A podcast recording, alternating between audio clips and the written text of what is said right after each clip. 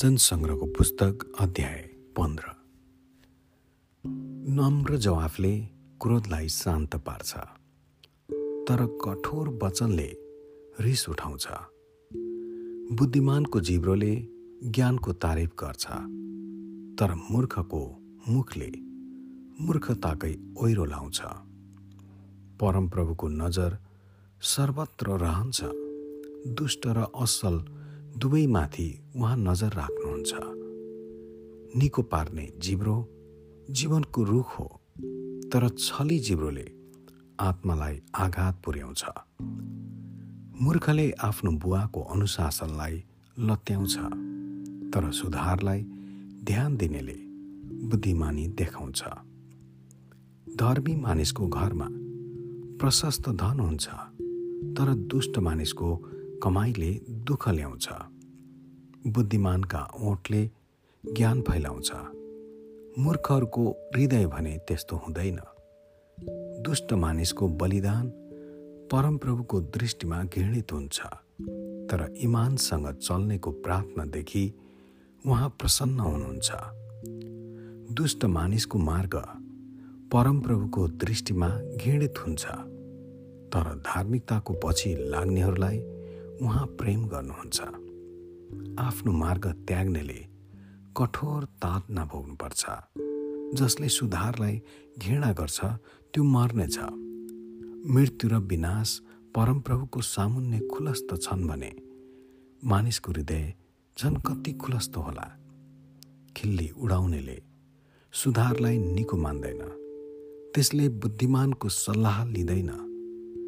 आनन्दित हृदयले अनुहार प्रसन्न पार्छ तर हृदयको पीरले आत्मालाई आघात पुर्याउँछ। विवेकशील हृदयले ज्ञानको खोजी गर्छ तर मूर्खको मुखले मूर्खता नै रुचाउँछ। थिचोमिचोमा परेकाहरूका अवहेलित जीवन दिनहु दुःखको हुन्छ तर आनन्दित हृदय सधैँ सुखी हुन्छ। हो हल्लाको साथ प्रशस्तै धन हुनुभन्दा थोरै धनसित परमप्रभुको भय मान्नु उत्तम हो। देशले भरिएको ठाउँमा मोटो बाछो खानुभन्दा प्रेम भएको ठाउँमा सागपातसँग भोजन गर्नु उत्तम हो।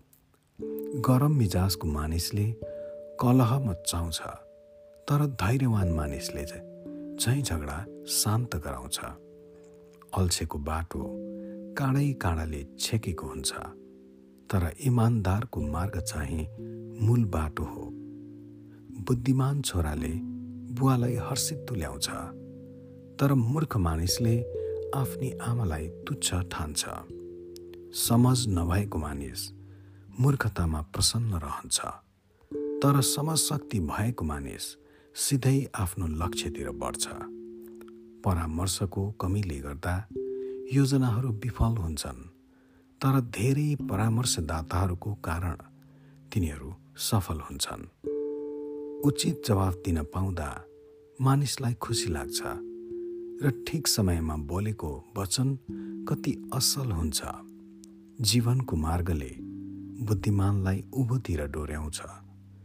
त्यसले उसलाई उँधो पातालतिर जानदेखि जोगाउँछ। परमप्रभुले अहङ्कारी मानिसको घर भत्काइदिनुहुन्छ। तर विधवाको सात सिमाना उहाँले अखण्ड राख्नुहुन्छ। परमप्रभुले दुष्टका विचारहरूलाई घृणा गर्नुहुन्छ। तर शुद्ध मानिसका विचारहरूमा उहाँ प्रसन्न हुनुहुन्छ। लोभी मानिसले आफ्नो परिवारमा सङ्कष्ट ल्याउँछ।